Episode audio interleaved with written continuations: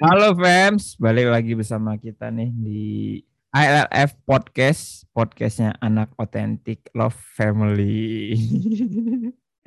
nah, pasti penasaran juga kan? Mungkin buat teman-teman yang baru pertama kali denger nih, uh, Authentic Love Family apaan sih? Uh, teman-teman bisa dibuka di Instagramnya teman-teman dan cari at authentic.love eh authentic.love ya at authentic.love underscore itu dia guys. Dan tentunya uh, ini udah apa ya udah episode keberapa gue lupa. Pasal keempat atau ketiga. Tapi yang uh, hari ini kita special edition topiknya yang kita bahas yaitu berkaitan tentang uh, Independent Day, yaitu Hari Kemerdekaan Indonesia, guys. Jadi uh, di podcast kali ini kita akan ngebahas tentang kemerdekaan. Apa sih itu kemerdekaan dan bagaimana kita bisa dimerdekakan mungkin atau lain-lain. Dan tentunya gue nggak sendirian. Seperti biasa ada teman-teman gue, boleh dikenalin guys. Bebas, siapa ya, aja. Biasalah, siapa lagi? Ya kan kalau bukan Sam. ada Isak juga di sini. Sam yang lalu nggak ada ngambek. Iya tahu. tahu dia. Ngambek. ngambek. Biasalah, biasalah. ngambek dia. Bukan ngambek. Sama ada. Shh, udah ngomong diri. Ada gua Kaleb di sini. Udah gitu doang.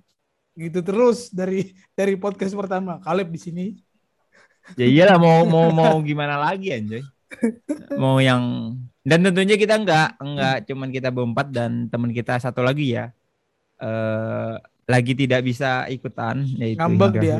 karena satu dan lain hal. Kalau saya ngambek kalau ini saya ngambek dan lain hal. Ya karena ada kerjaan yang satu lagi. Huh, jadi kita gua, maklumin. gue minggu lalu nggak ada kerjaan ya? Anjay. Apa? Oke okay. boleh boleh. Saya ngambek dia. Dan tentunya juga uh, selamat datang buat teman-teman yang mendengarkan di Spotify dan teman-teman yang dengerin kita secara live nih, live podcast. Uh, boleh say hi dulu dong di unmute yang dengerin kita secara live. Kesempatan nih. Hai. Yoi, mantap. Mantap, yuk kita perlu ya semuanya yeah. unmute yuk biar kita beneran kayak ada penonton nanti dikira yeah. setiap minggunya kita pura-pura. dikira kita bohongan. Coba dong Coba. yang lain, yang lain. Coba yang lain. Yuk, yuk, yuk, yuk. ngomong yuk please yuk nama baik otentik yuk. Jess, ya, ya. Oke. Barengan, barengan aja barengan langsung. Ayo, ayo. Satu. Tapi emang emang pendengar podcast kita emang pada ini apa malu-malu dia. Nggak tahu, takut kali dia. Boleh dong. Masa cuman Daniel doang? Halo, halo. Nah, ada Miranda tuh kan tuh, saking live-nya, lagi saking live-nya bener-bener lagi di luar dia dengerin. Jadi welcome teman-teman uh, di Authentic Love Family Podcast. Oke okay, guys, uh, kita akan masuk ke topik kita yaitu tentang kemerdekaan atau merdeka. Nah, gue pengen nanya deh, kita mulai dari ini aja dulu. Kita tanya apa sih merdeka menurut kalian sendiri deh masing-masing tuh Kaleb, Isak atau Sam? Sam dulu Sam. Anjay. Oke. Ini ini secara umum ya, secara umum menurut yeah. gue kemerdekaan itu ya kayak Indonesia aja. Jadi secara hmm. umum atau menurut lo? secara umum yang gue simpulkan, ya menurut gue. Ya berarti bukan secara umum dong. Kalau secara umum itu berarti gua, udah di maksud gue secara di, umumnya apa? maksud gue secara umumnya bukan dalam kekristenan gitu. Ya. Nah, boleh boleh boleh. Kalau menurut gue kemerdekaan itu ya hasil dari apa yang udah kita perjuangkan. Kayak kita butuh kita butuh kedaulatan, kita berjuang untuk suatu kedaulatan dan kita mendapatkannya yaitu kemerdekaan. Yeah. dan hasilnya mantap. itu bisa berupa kebebasan dari suatu keterikatan yang tidak menguntungkan ya demikian menurut saya hmm, dia, pengen dia dia dia pengen ambil agak panjang tapi takutnya tidak nyambung takut salah takut salah iya bukan takut Karena salah tak, takutnya nanti berpengaruh terhadap keimanan kan Kan tadi bilangnya secara secara umum, bukan secara kekristenan. Mau langsung gue sambungin tadi. Puji Tuhan apa Tuhan udah berikan hikmat kepada Sam iya. untuk berpikir dulu sebelum berbicara. Gitu. Haleluya. Soalnya nggak ada boncingannya dia hari ini. Hari-hari gue mulu ya. Oke. Oke, Kaleb. Gue dulu, Lep. Gue ke merdeka, merdeka itu berarti uh, tidak lagi dijajah. Gitu. Standar karena, lah jawabannya standar lah. Iya karena kalau kalau ada ada merdeka pasti ada yang dijajah gitu. Kalau nggak buat apa lu ngapain lu merdeka kan kalau nggak pernah dijajah. Hmm. Iya iya benar benar. Boleh boleh boleh. Itu pendapat pribadi atau pendapat umum? Pribadi yang diumumkan. Kalau Isak um, merdeka bagi gue ya. Ini bukan cuman bicara soal kayak hal-hal yang sifatnya kelihatan kayak oh dari yang um, apa namanya keadaan yang nggak baik jadi baik keadaan yang menekan menjadi um, tidak tertekan lagi tapi lebih yes. ke itu ya menurut gue kemerdekaan ini lebih ke state of mind atau cara kita berpikir, keadaan hati kita, keadaan pikiran kita. Karena hmm. banyak orang juga yang bahkan ya ini gue secara gamblang aja ya kayak di Indonesia sekalipun meskipun kita udah merdeka um, di tahun 1945 tapi banyak orang yang hidupnya masih terjajah juga kok. Maksudnya yeah. masih menghidupi kehidupan sebagai orang-orang yang terjajah. Cara berpikir kita masih cukup apa ya kayak orang-orang terjajah menurut gua ya kayak ya, ya. salah satu contoh kecil yang bisa gua lemparkan adalah kita masih ngelihat orang-orang barat sebagai orang-orang yang seolah-olah lebih tinggi daripada kita ngerti nggak hmm, ya. kayak kecenderungan lihat ih ada bule ih mau foto, foto mau foto, foto padahal foto, foto. Yeah. what's that gitu kayak kena apa apa sebenarnya apa spesialnya? Sebenarnya gitu ya. Kayak hmm. sedangkan kita ke luar negeri di ke negara barat nggak ada tuh yang ngajak kita foto. Biasa eh, aja orang Indo, orang. Indo gitu ya. Nggak ada ya? Oh, iya, nggak ada ya, orang Indonesia nggak ada. Jadi Siapa menurut gua ya um, kemerdekaan itu bukan hanya kita terbebas dari apa yang realita yang lagi hmm. me me menekan kita tapi juga kita membebaskan diri. Itu sebuah keputusan ya menurut gua merdeka ya. itu sebuah keputusan yang kita ambil baik secara um, baik baik secara faktual baik antara kita dengan yang menjajah gitu segala macam tapi juga secara personal lu yang mutusin lu mau jadi merdeka atau enggak hmm. itu ya hampir sama kayak inilah ya maksudnya kemerdekaan Indonesia juga ada orang yang mendeklar untuk maksudnya pada waktu itu kan Soekarno membandingkan diri untuk menyatakan bahwa kita sudah di merdeka nih gitu kan. Sampai waktu itu juga bisa dibilang kan di sejarahnya kan eh, Soekarno minta kumpulin semua orang. Eh, kita bilang eh, apa namanya disiarin di RRC atau radio apa gitu gue lupa.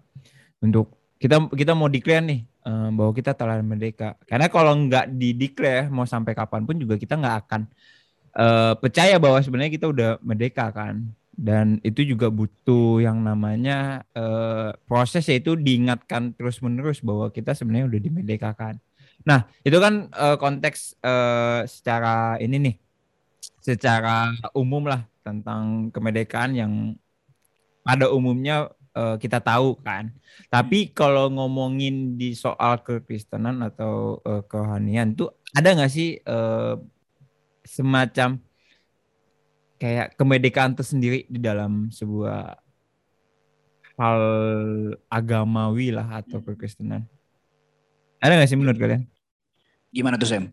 Ya kayak yang Isak bilang sih menurut gue ya apa namanya pemikiran pemikiran yang kalau di dalam Kristen ya pemikiran-pemikiran yeah. yang apa mengikat kita seakan-akan kita tidak merdeka lagi eh, belum merdeka gitu atau masih hidup dalam ketidakmerdekaan contohnya kayak kita misalnya uh, ada yang berpikir wah gue nggak layak gue tidak apa namanya gue tidak pantas untuk ada di gereja karena apa yang sudah gue perbuat nah itu kan salah satu pikiran yang belum merdeka gitu hmm. nah sedangkan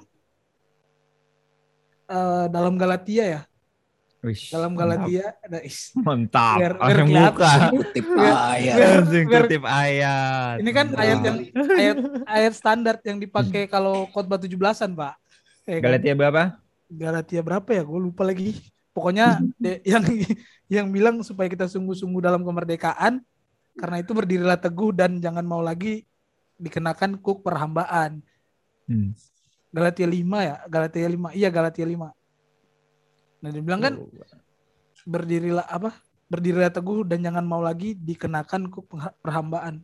Kita udah merdeka padahal, tapi pikiran kita yang buat kita nggak merdeka.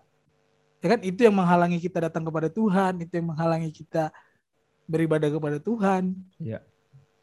Ya, itu sih, men. Oke oke oke. Berarti nggak ini ya apa namanya?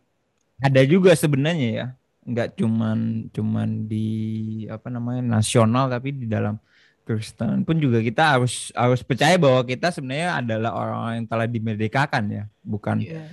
bukan hanya sebat eh, bukan hanya sebatas eh, bangsa kita udah dimerdekakan tapi diri kita pun juga sebenarnya udah dimerdekakan. Nah, kalau dari lu apalagi apalagi Apa? apalagi kalau kita udah tahu kebenaran, yes. kan dibilang kebenaran itu yang memerdekakan kamu. Oh iya benar-benar. Nah, itu yang Jadi- me- itu yang bikin pemikiran kita akhirnya berubah nih atau dapat satu kebenaran yang akhirnya pikiran lama itu diperbaharui gitu. Mantap. Kalau dari lu Lep, gimana Lep? Iya. Eh, karena emang merdeka itu kan ngomongin kayak tadi tadi awal gue bilang kan statement gue ada yang dijajah berarti baru kita bisa Iya. merdeka kan. Karena kita pernah dijajah. Nah salah satunya kalau ngomongin konteksnya dalam kekristenan menurut gue si iblis itu kan walaupun dia secara tidak bukan secara langsung ya, secara langsung bahkan dia Iya. mengelabui gitu, berusaha menipu kita dengan segala omongannya sehingga kita yang tadinya adalah orang yang merdeka, ciptaan yang memang maksudnya ciptaan yang yang udah bebas gitu. Tapi kita dibilang seolah-olah kita dikekang ya kan Hmm. sama Tuhan sehingga kita nggak percaya dan kita terjajahnya malah sama si iblis nih. Hmm. Manusia jatuh dalam dosa, kita akhirnya jadi berdosa.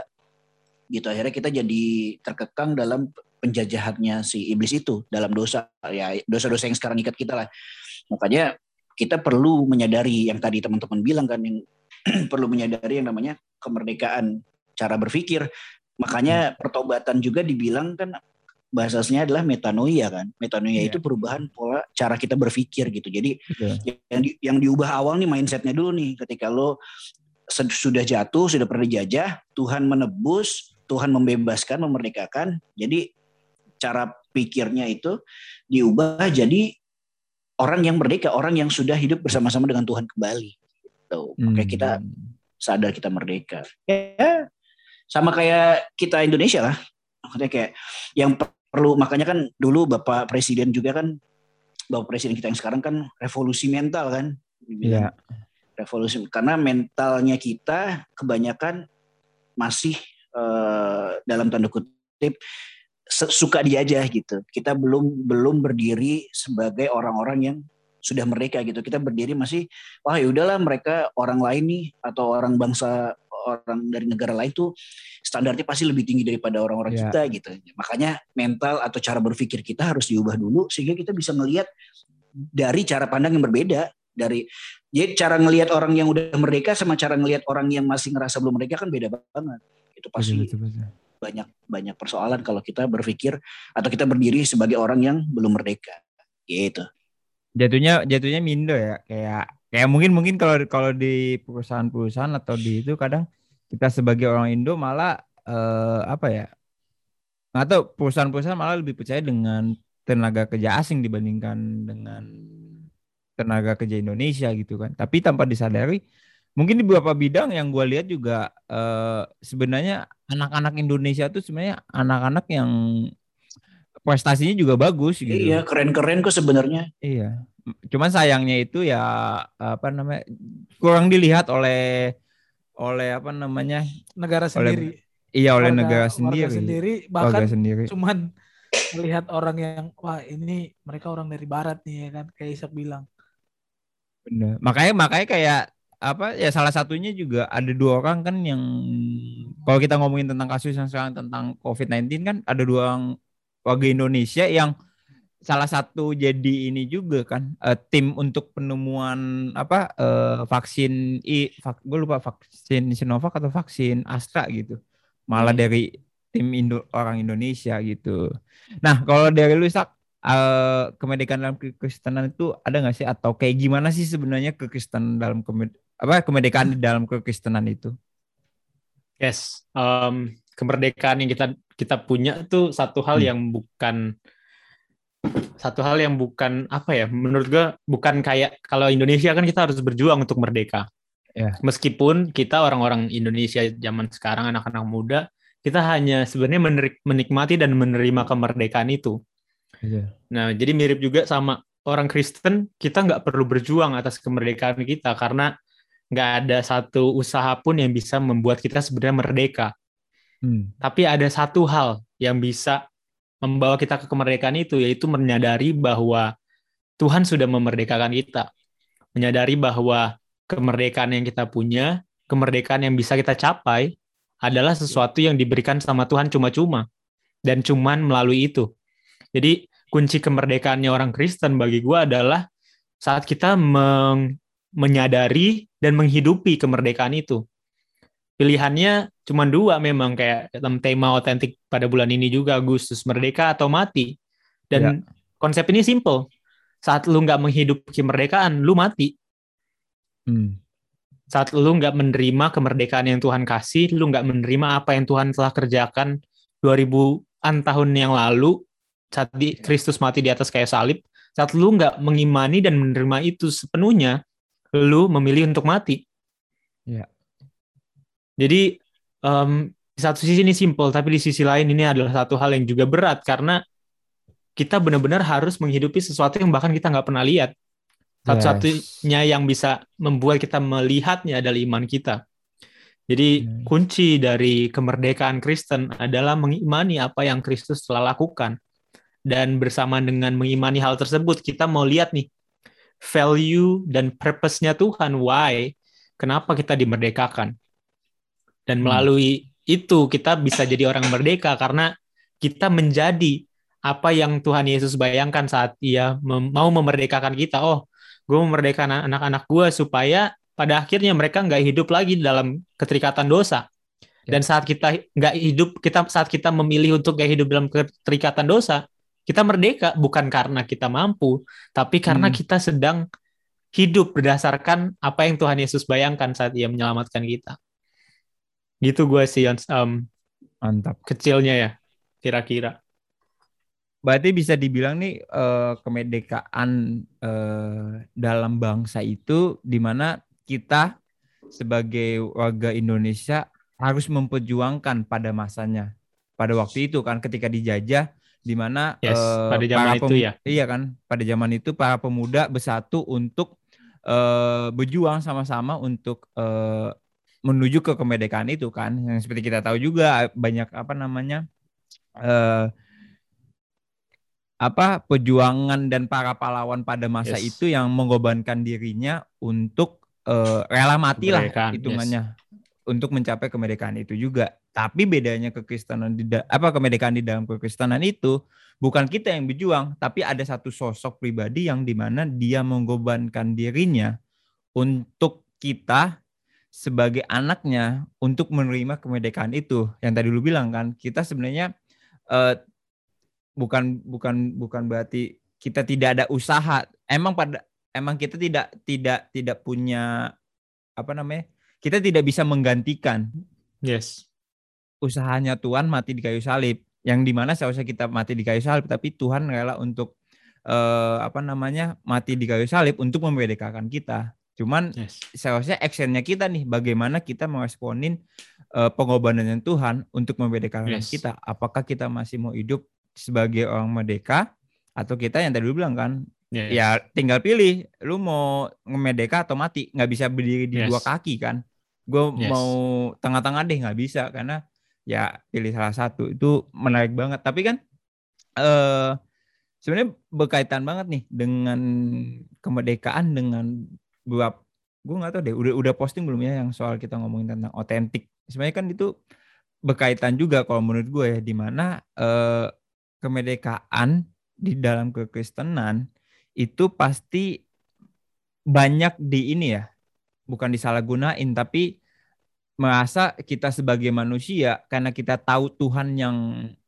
maha pengampun Tuhan yang maha baik yang dia merasa bahwa ya dosa gue bakal diampuni hingga akhirnya kita hidup merasa kita yang tadi kalian bilang kita merasa Tuhan gue susah banget nih gue dijajah oleh iblis. Hingga akhirnya gue nggak bisa lepas dari ketekatan gue nggak gue nggak bisa lepas dari segala apa namanya uh, pergumulan gue nah itu gimana nih? Uh, maksudnya menurut kalian untuk meresponin hal itu yang buat orang-orang di luar sana yang merasa emang bener ya gue dimerdekakan atau kayaknya belum deh karena gue buktinya aja gue masih terikat dalam dosa nah gimana tuh menurut pandangan kalian gue gue jawab kali ya sekalian menanggapi yang Ishak bilang kan.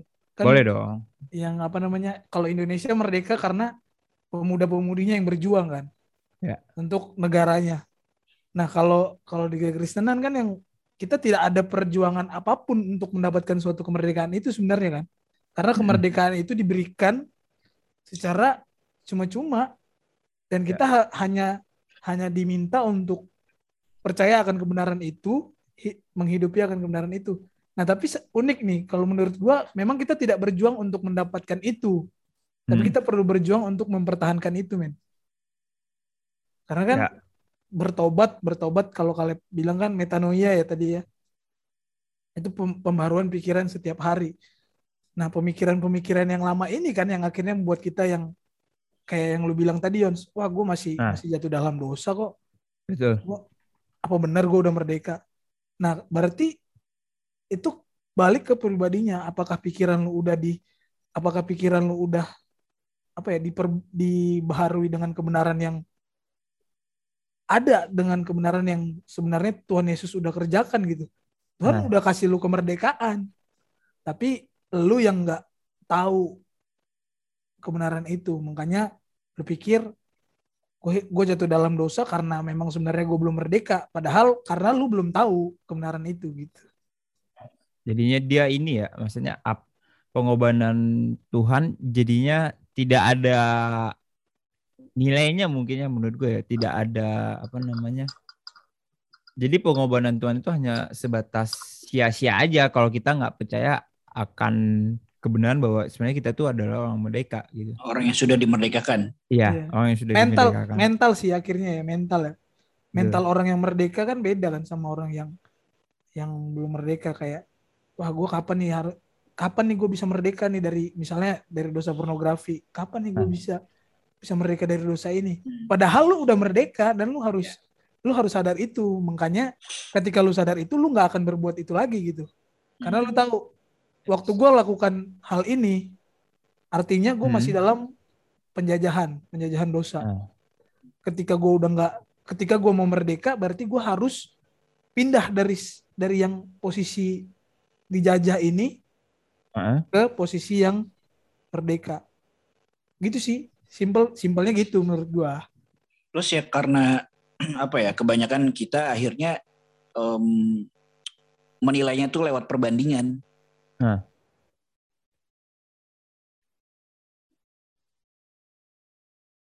Hilang-hilang. Nah. Kita nilai semuanya itu lewat perbandingan gitu loh. Jadi kayak ketika kita ngerasa kita belum apa uh, kita ngebandingin nih wah orang ini udah bisa begini nih gue harus bisa kayak gitu padahal kemerdekaan hmm. yang Tuhan berikan buat kita kan unik ya maksudnya berbeda gitu dari yang lain ya Jadi kayak masing-masing kemerdekaan yang Tuhan kasih walaupun satu satu apa ya satu tujuannya satu keselamatan bagi kita untuk menyadari kita sudah diselamatkan gitu kan tapi kita nggak bisa membandingkan wah berarti misalnya si Sam uh, merdeka dari dosa pornografi dengan cara hmm. begini terus gue juga pakai caranya Sam untuk merdeka dari dosa pornografi harus pakai cara kayak gitu gitu kan yeah. nggak bisa sebenarnya nggak bisa kayak gitu walaupun itu bisa menginspirasi tapi itu nggak bisa jadi satu-satunya sumber gitu karena hmm. kita, kita kalau kayak tadi nyambungin juga sama yang lo bahas tadi itu uh, apa ya kita harus berjalan itu dengan dengan pemikiran yang baru, caranya adalah kita ngelihat sesuatu yang baru itu gitu deh. Kan Tuhan udah kasih firman nih, Tuhan kasih Nah. sesuatu yang benar-benar eh, bisa merubah cara kita berpikir, bisa merubah cara kita hidup, ya kan? Nah, Yes. makanya orang- orang-orang yang mau merdeka atau mau menyadari dia sudah dimerdekakan, satu-satunya cara menurut gue ya, ya Iya. mer- merenungkan dan berjuang untuk melakukan firman Tuhan. Hmm. Dari situlah makanya kayak ya balik lagi nih kalau mau cocokologi mau Ya. nyambung-nyambungin sama kemerdekaan Indonesia, ya satu-satunya kita bisa hidup sebagai orang yang merdeka adalah kita menyadari Pancasila. Kita ki- menghidupi Pancasila yang ada gitu. Kita sebagai orang yang merdeka, itu yang mesti kita lakuin gitu. Sebagai Hmm. bangsa yang merdeka yang mesti kita lakuin itu. Terus taat sama undang-undang. Di, dijalanin, dihidupin setiap waktu gitu kan. Sehingga yang Ya. kita kejalanin ya kayak gitu. Nah kebanyakan dari kita, kita nggak ngerti nilai-nilai Pancasila yang sesungguhnya, kita nggak ngerti undang-undang yang sebenarnya gitu. Atau sudah banyak yang dibelok-belokin. Jadi kayak akhirnya kita hidup bukan sebagai orang yang pada mulanya dimerdekakan nih sama si proklamator gitu kan. Karena Hmm. itu kan yang diciptain di awal supaya kita sadar kita orang yang merdeka. Tapi lari dari situ akhirnya ya banyak orang hidupnya semau-maunya sendiri, bukan sebagai orang Indonesia yang merdeka. Gitu. Sama kayak kita, kita mau semau-maunya sendiri karena kita nggak lihat Nah, tuntunannya lewat firman Tuhan gitu. jadi kehidupannya ya suka-suka kita karena kita merasa bahwa karena ah karena menarik nih ngomongin tentang merdeka kan pasti terlalu selalu bukan selalu ya tapi ngomongin tentang merdeka itu kan dikaitkan dengan yang namanya kebebasan di mana orang eh, bebas untuk memilih gitu. Tapi kan bisa aja men bawa pemikiran ya gue gue udah dimerdekakan nih ya berarti gue bebas memilih nih kan yang tadi dibilang juga kan eh kebebasan untuk cara berpikir juga di- yang di mana gue sebenarnya pengen lepas nih gitu tapi gue nggak bisa nih. Tapi gue tahu gue dimerdekakan gitu. Hingga akhirnya dia hidup hidup hidupnya di tengah-tengah nih. Antara di merdeka atau di mati lah gitu. Nah kalau dari kalian dah gue pengen nanya. Kalian pernah nggak sih maksudnya eh, punya pengalaman eh, dimerdekakan dari satu hal atau dari satu apa namanya entah pergumulan entah keterikatan atau apa pun yang mungkin bisa kalian bagiin gitu Isak kali, Isak. Ishak yang sudah dimerdekakan total kayaknya. tapi ini menarik nih ngomongin tentang kemerdekaan total sebenarnya nggak nggak ada yang kemerdekaan total dong karena semuanya pasti berproses dong Nih Indonesia Iya. aja nih, Indonesia aja nih. Kalau lu mau jadi orang yang merdeka, lu harus tahu Pancasila. Ya kan? Kalau lu mau tahu, kalau lu mau merdeka, lu hidup di bawah undang-undang. Iya.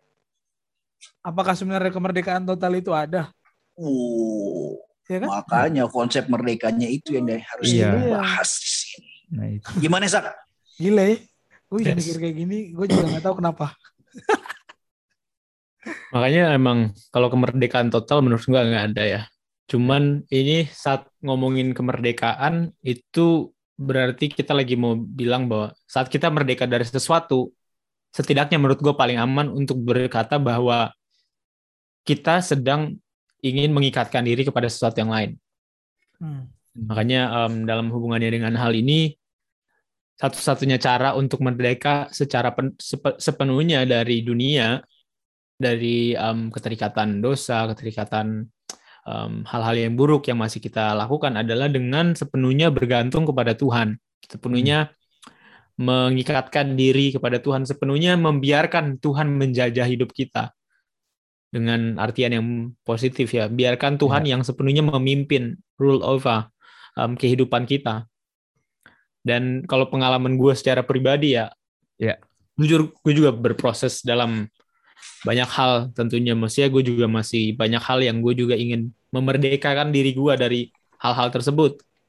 Dan memang nggak bisa dibohongin, semakin gue mendekatkan diri sama Tuhan, semakin gue apa ya kayak datang ke Tuhan dengan dengan dengan kesadaran bahwa gue nggak bisa lepasin diri gue dari hal-hal tersebut Hmm. kayak em, pengalaman gue dengan pornografi I can't stop doing it sampai pada Ya. akhirnya gue berserah sama Tuhan kayak em, apa ya kayak nunjukin bahwa gue nggak bisa berhenti.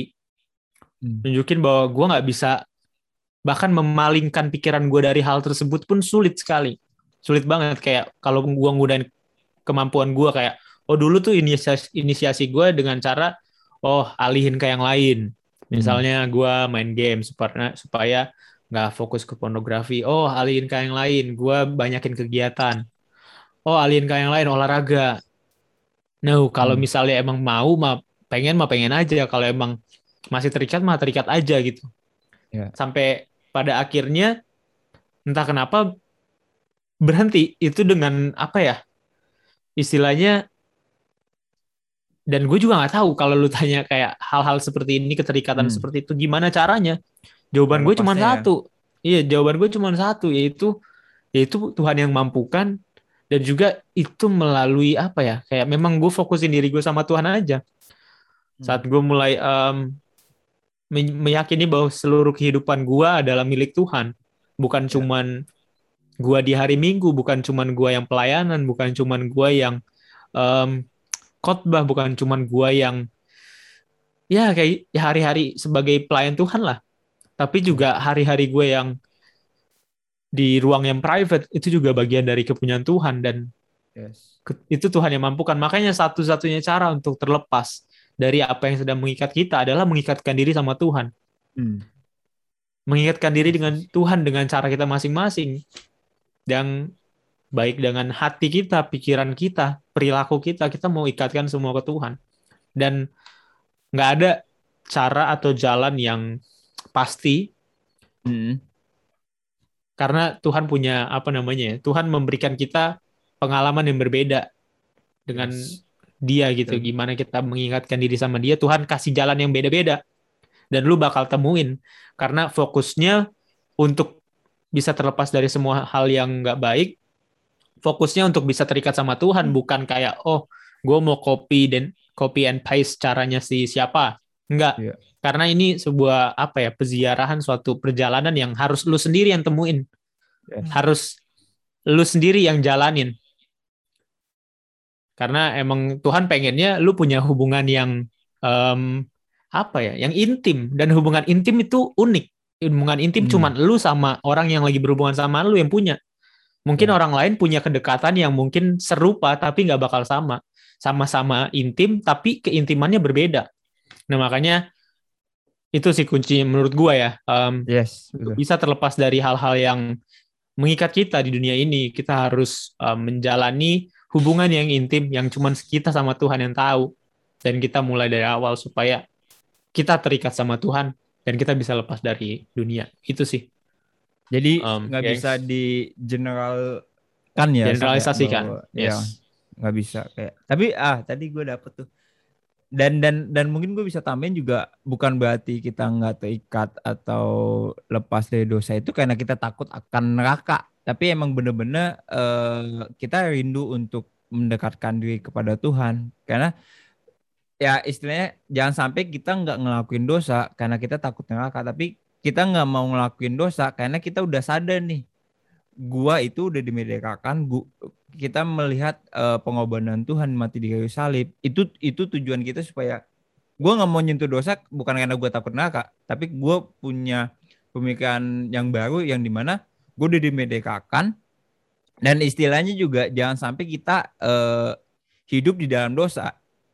Jatuh kalau kalau menurut gue jatuh it's okay. Tapi jangan lupa untuk bangkit lagi. Karena kan jatuh dalam jatuh jatuh dos apa jatuh dosa sama diam di dalam dosa itu beda banget kan.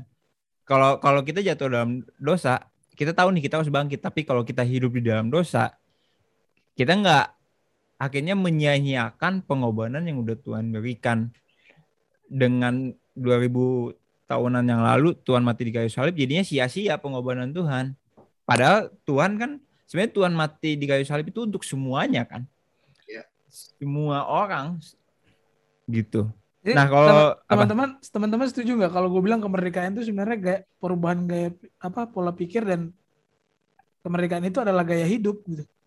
Setuju. Kayak kayak kita lihat di film-film kan. Orang yang orang yang Apa? misalnya nih, orang yang kaya nih. nggak mungkin hidup di nggak maksudnya mereka tidak mau hidup di kal di berdampingan dengan orang orang-orang yang kalangan rendah gitu. Itu kan walaupun itu negatif tapi setidaknya itu menjadi gambaran lah ketika kita udah merdeka kita nggak akan hidup di dalam hal yang membuat kita tidak merdeka gitu Hmm. Di, da- ya, di dalam tapi maksudnya bukan berarti nggak bisa bergaul ya, tapi iya bukan berarti tidak bisa bisa. bergaul tapi mereka Makanya- memisah memisahkan hidup mereka dari ya keberdosaan itu gitu. Gua gua gua akhir-akhir ini mikir kalau Eh. gara-gara merdeka atau mati ya karena tema kita merdeka atau mati gue jadi mikir merdeka atau mati? Berarti memang kemerdekaan itu sebenarnya pilihan ya kemerdekaan di dalam Kristen Iya. itu pilihan kita mau hidup sebagai orang yang merdeka berarti kita harus memisahkan diri dari kehidupan yang penuh dengan dosa itu itu tadi Yohanes bilang jatuh dalam dosa sama hidup dalam dosa beda nah pada Iya. akhirnya kan dapat kesimpulan kalau kita mau merdeka ya kita tidak hidup di dalam dosa Iya. gitu sih Kaleb ada mau itu? Iya, udah sih bener. maksudnya ya- yang eh, pa- paling bukan benar maksudnya gue setuju banget Ya. sama yang si saya ngomongin juga. Plus tadi kalau kita ngomongin soal perbandingan gitu, gue gue inget, gue keinget gue baru upload video di Instagram tuh ngomongin. Jadi ngomongin soal kayak ada ada quotes motivasi yang gue rada iniin dikit, rada tentang dikit karena di situ nggak kasih penjelasan apa-apa, di situ cuma bilang kalau Daniel aja bisa eh, apa kalau Daniel aja bisa percaya dan berserah sama Tuhan di gua singa Hmm. gitu lu lu juga bisa percaya sama Tuhan di dalam kekhawatiran dan permasalahan yang lu punya gitu kan itu ada ada quotes kayak gitu terus gua gua gua gua rada inilah karena menurut gua nggak bisa sampai di situ harus ada Hmm. penjelasan di mana ya berarti lu harus bisa hidup seperti Daniel hidup. Berarti lu harus bisa punya hubungan sama Tuhan seperti Daniel punya hubungan sama Tuhan gitu. Kalau nggak begitu, gimana ceritanya lu bisa mengalami kepercayaan, keberserahan yang Daniel punya kalau lu aja hidupnya semau-mau lu sendiri gitu. Kalau hidup lu nggak nggak seperti dia gitu. Jadi nggak sekedar motivasi, wah Daniel bisa begitu karena gue juga Hmm. anak Tuhan, gue juga bisa begitu. Ya ikutin cara hidupnya dong, bukan Yoi. sekedar iya kan. Coba lu berjuang seperti cara hidupnya, baru lu bisa punya pemahaman lu bisa percaya dan berserah seperti dia. Nah, sama kayak kemerdekaan ini juga gitu loh ketika kita ngelihat orang-orang wah enak ya eh, bangsa yang merdeka yang lain di luar sana gitu kan orang-orang yang Hmm. sudah terlepas dan segala macam yang lu ikutin bukan sekedar eh, bukan ini loh bukan bukan tahapan apa ya maksudnya bukan tips-tips yang dari dari dia kasih gitu tapi kayak Ya. lihat nih hubungan orang ini sama Tuhan karena kan kita sama-sama setuju kan kemerdekaan itu cuma ada dalam Tuhan nih sekarang kan gitu loh. Nah, ketika apa namanya? Ketika kita pengen menuju ke sana, ya kita lihat nih ketika orang ini merdeka, contohlah kita lihat Bang Radit juga punya banyak story yang dulu dia terikat sama segala sesuatu sampai akhirnya dia bisa merdeka.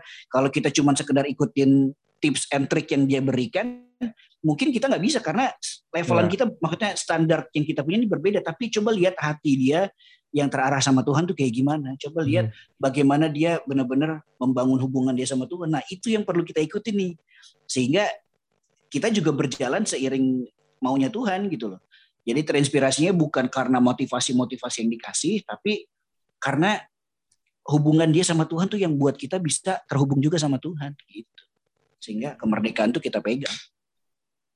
Karena tips and trick di internet juga banyak. Banyak banget.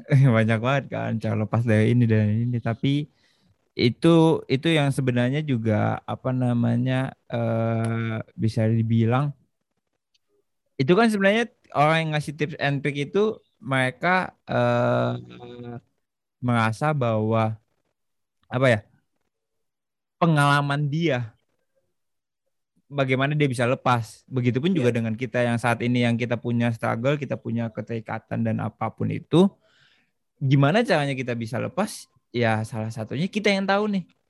Kayak tadi Isak bilang gitu kan, kalau ngomongin tentang pornografi, pasti kita suka ada ini apa namanya tempat-tempat yang mungkin kita biasa untuk apa namanya eh buat dosa kita kita pakai untuk hal yang lain gitu ada yang ngomong kan dosa dan doa itu deket-deketan maksudnya lu lu berbuat dosa di tempat yang tersembunyi gitu kan maksudnya tempat yang tertutup lah lu lu melakukan dosa kenapa nggak di tempat lu melakukan dosa lu berdoa Sedap. hingga akhirnya tidak tidak tidak berdosa iya kan Eh, eh, Itu- tapi tapi tapi ini gue Apa? dapat dari Ishak juga loh waktu itu. Apa? Ishak bilang, gue waktu waktu gue pengen nonton bokep nih Sen, gue langsung lari tuh ke ke ruang tamu biar gue nggak nonton bokep. Dia bilang, gue kalau waktu pengen coli tuh gue langsung ngapain kayak gue biar nggak nggak coli. Gue lakukan gue lakukan itu men dan ya tidak 100% berhasil tapi setidaknya ada perlawanan gue melakukan perlawanan gitu dengan Eh. gue bilang anjir gue nggak bisa nih gue harus keluar keluar dari kamar Kayak Eh. gitu kayak gue menjauhkan menjauhkan diri dari hal yang misalnya gue pornografi gue yes wah gue gue lu kan tahu dulu gue sampai ya gue jualan jualan yang kayak gitu-gitu sampai yang Eh. gue berlangganan lah untuk nonton yang kayak gitu Ya.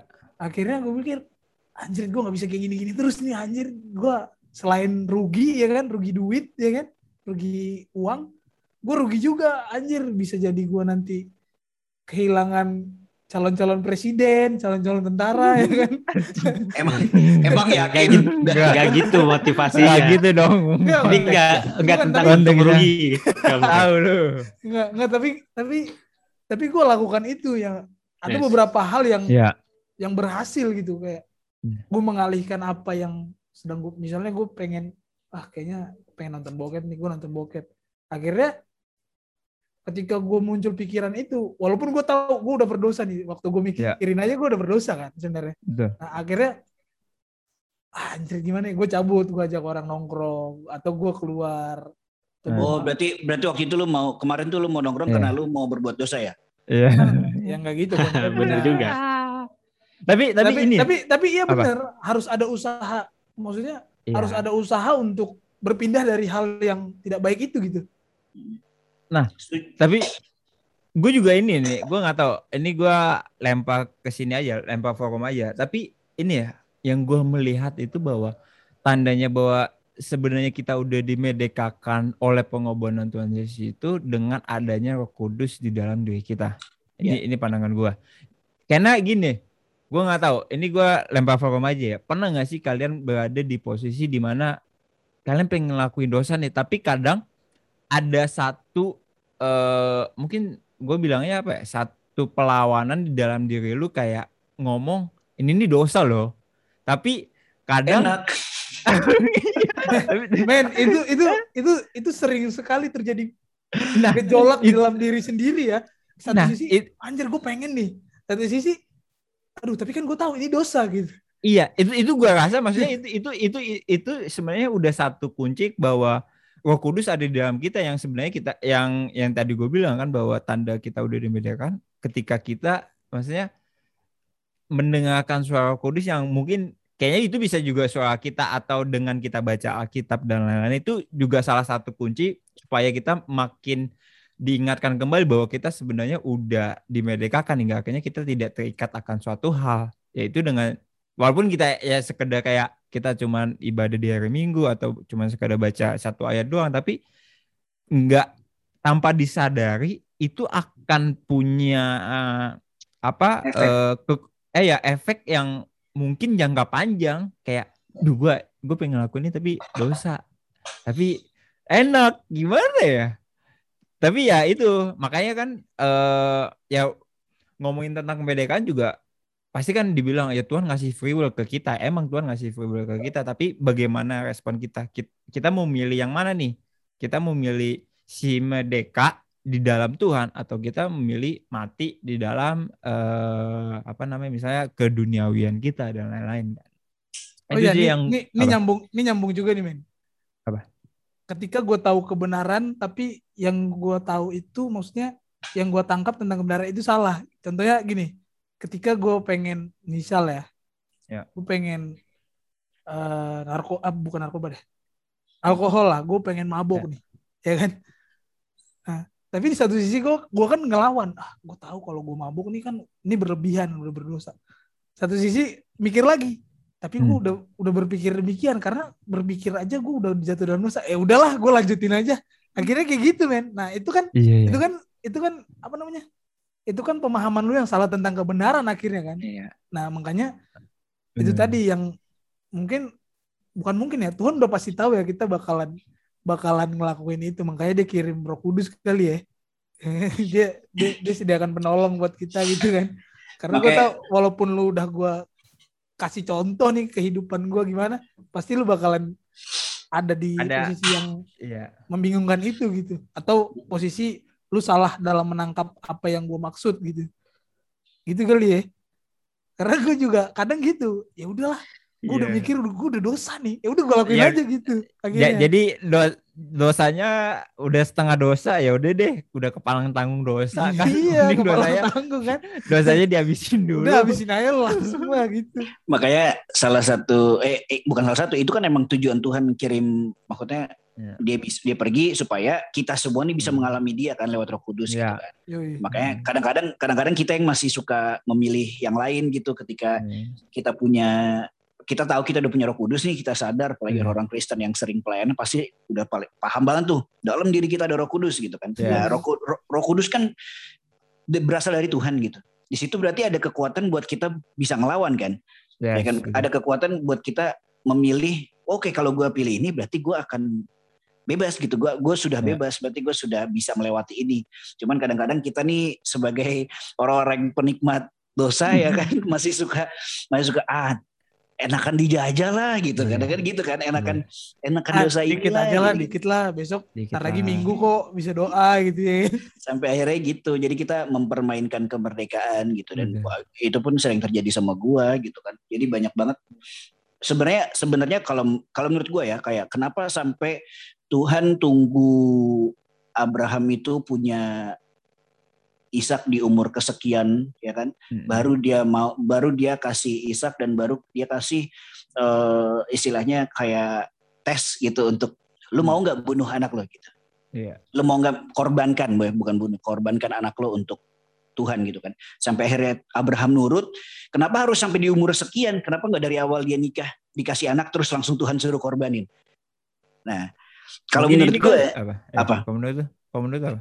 nggak mungkin apa Enggak, kalau di menurut gua kayak gini, maksudnya itu di masa ma- di masa-masa itu kayak Abraham dites nih. Maksudnya udah udah usia tua nih gitu kan. Pasti kan usia tua kayak mikirnya pada saat itu gila gue akhirnya setelah sekian lama gua menunggu eh akhirnya gue dapat anak nih pasti nggak kayak kalau kita sebagai manusia kita nggak mungkin dong korbanin Ishak gitu kan. Tapi Mhm. ya itu yang gua yang gua perhatiin hubungannya Abraham dengan Tuhan sih.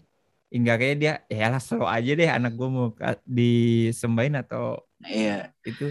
Tapi kalau menurut karena karena emang emang apa ya Tuhan tuh pengen Tuhan pengen si Abraham nih berhubungan kuat dulu sama Tuhan benar-benar Hmm. lebih percaya lagi lebih yakin lagi sampai akhirnya eh, Abraham nih udah punya apa inventaris dia udah punya eh apa sih pengenalan persediaan pengenalan apa? Iya, persediaan pengenalan akan Tuhan tuh udah banyak gitu. Jadi dia tahu banget nih Tuhannya kayak apa. Makanya balik lagi ke Hmm. hubungan kan. Iya. Terus jadi benar-benar benar-benar ketika dia apa? Ketika dia ada di moment of truth dia harus melakukan sesuatu. Ya dia iniin dia akhirnya akhirnya Tuhan udah tahu nih eh, ya dari hubungan dia sama Tuhan, Tuhan udah yakin banget nih lewat lewat ujian yang di ujung sana nanti si Abraham bisa selesai gitu ngelakuin. Nah, Yes. menurut gua nih hubungannya sama kenapa kenapa kita harus bangun hubungan yang kuat sama Tuhan untuk kita punya kesadaran akan kemerdekaan kita tuh karena itu bakal banyak Iya. nih tes-tes dari maksudnya tes-tes ujian pencobaan yang sebenarnya karena kita juga yang yang yang ngelakuin gitu kan. Iya. Eh, tapi makin kita kenal Tuhan, kita makin tahu nih eh, apa namanya eh, apa ya ini Tuhan tuh di mana posisi Tuhan tuh di mana saat kita ngelakuin sesuatu gitu kan sampai akhirnya di hal yang hal yang paling penting hal yang tertentu kita bisa benar-benar memutuskan sesuatu karena kita memang Hmm. udah sadar ka- karena hubungan istilah itu karena hubungan Yes. kita sama Tuhan gitu loh sama kayak si Yusuf dulu lari bukan gue yakin bukan karena saat itu dia lari bukan karena sekedar dia pengen jauhin dosa tapi dia lari karena dia punya hubungan sama Tuhan. Iya. Kan nggak kan kalau simpelnya nggak mungkin lu apa berhubungan intim kalau lu nggak kalau lu nggak bangun hubungan dulu kan. Siap Gitu bisa. kan. Masa tiba-tiba ya Beda kalau dengan Lubaya dan lain-lain itu itu beda ya, intim, cuman berhubungan intim maksudnya Entah apa? yang dipikirin Kaleb. Tapi oke. Nih, seperti karena edisi spesial nih, eh, kita mau lempar buat teman-teman yang live eh, live dengan kita. Ada yang mau bertanya mungkin soal kemerdekaan dan lain-lain. Tadi soalnya tadi ada yang ini nih mau nanya katanya soal seputaran tema kita nih. Boleh langsung di ini aja Eh, untuk untuk di jawab-jawab, unmute. untuk jawab-jawab gue cabut ya. Takutnya gue nggak bisa jawab. Enggak. udah kalau kalau takut ya Guys. udah cabut aja. Ya udah. Iya. Karena harus menjatuhkan diri sendiri biar gue diizinkan pamit sebenarnya guys. gue gue pamit ya guys karena ada ini lagi. Thank you guys. Semoga Miranda? teman-teman gue bisa jawab nih. Tadi Miranda katanya mau nanya tuh. Tapi tapi ngomongin perdebatan ada tiga itu kan men. Apa meta melomae, metanoia dan apa? Gue nggak begitu paham. Apa sak? Kenapa? Kalau level. Coba jawab dong. Yang bahas dong. Aduh. Kan- Gak inget gue gak inget. Satu lagi apa? Metanoia, metamelomae, apa? Nggak tahu gue yang jujur ya. Gue bukannya apa nih. Itu udah pelajaran gue semester saat SMA kali malah. Jauh Meta, banget. metafisik katanya metafisik. Mana ada metafisikanya. Tapi tapi ya itu menarik sih sebenarnya.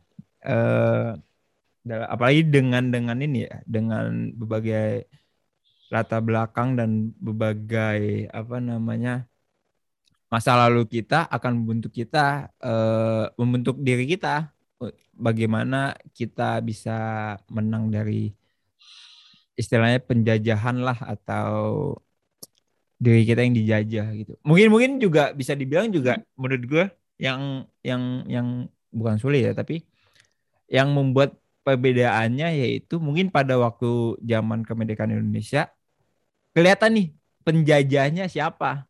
Ada ada orangnya gitu. Ketika kita mau adu perang, ini ada nih gue tahu gue mau melawan eh, pasukan Jepang, gitu. gue mau melawan pasukan Belanda, ada nih orangnya.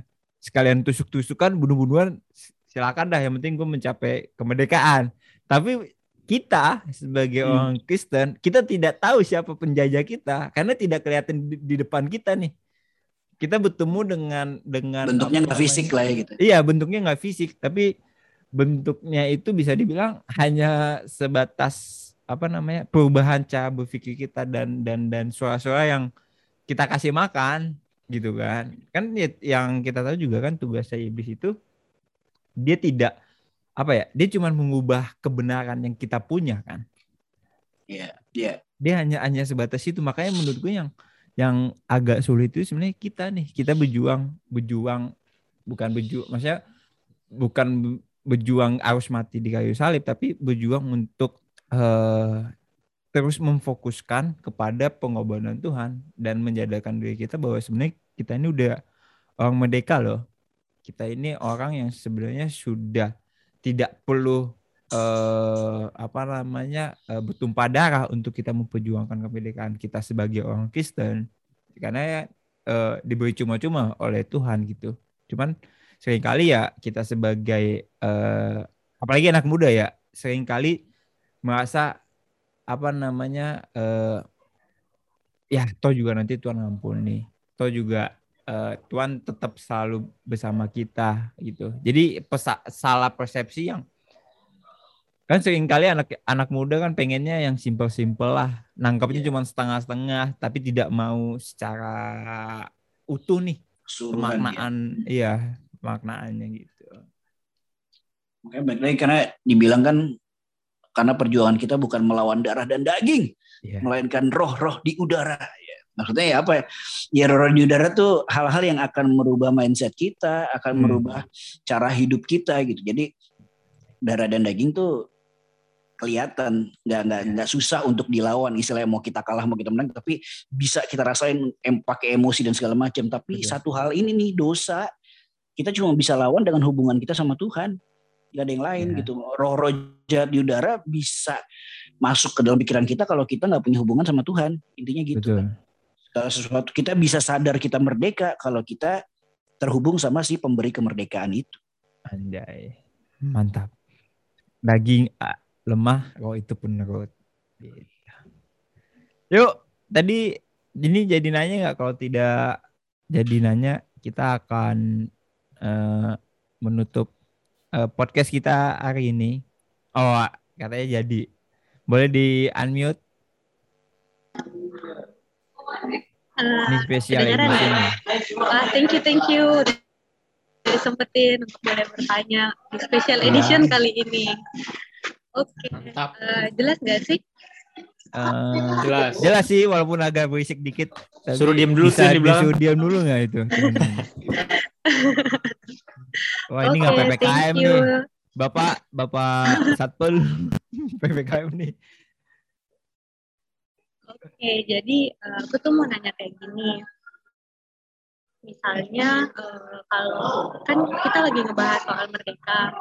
Dari yang aku alamin, aku sebenarnya kan eh, kalau boleh cerita dikit, aku lagi ngelewatin proses-proses eh, untuk sembuh nih dari sakit hati. Tapi eh, untuk menerima kenyataannya itu bisa dibilang aku udah terima sih kenyataan bahwa aku udah nggak sama dia lagi nih tapi eh, kalau mau diingat aku kayaknya belum merdeka dari yang namanya untuk memaafkan dia dan mengampuni dia gitu kira-kira eh, gimana nih kalau kita ngebahas soal sakit hati sakit hati terus membahas tentang pengampunan gitu gimana gimana Waduh, mungkin yang expert soal itu Kaleb. Yans Kaleb bisa ya? jawab nih. Karena gue kalau gue gue udah lama banget tidak berhubungan, jadi gue tidak tidak udah lama tidak merasakan sakit hati. Cuman cuman apa ya? Kalau ngomongin tentang merdeka dari sakit hati, ah, pengampunan ya. Eh ini ini ini berdasarkan pengalaman aja ya, berdasarkan pengalaman. Gua eh gimana caranya bisa merdeka dari apa namanya sakit hati atau memberikan pengampunan itu gue cuma melihat gini eh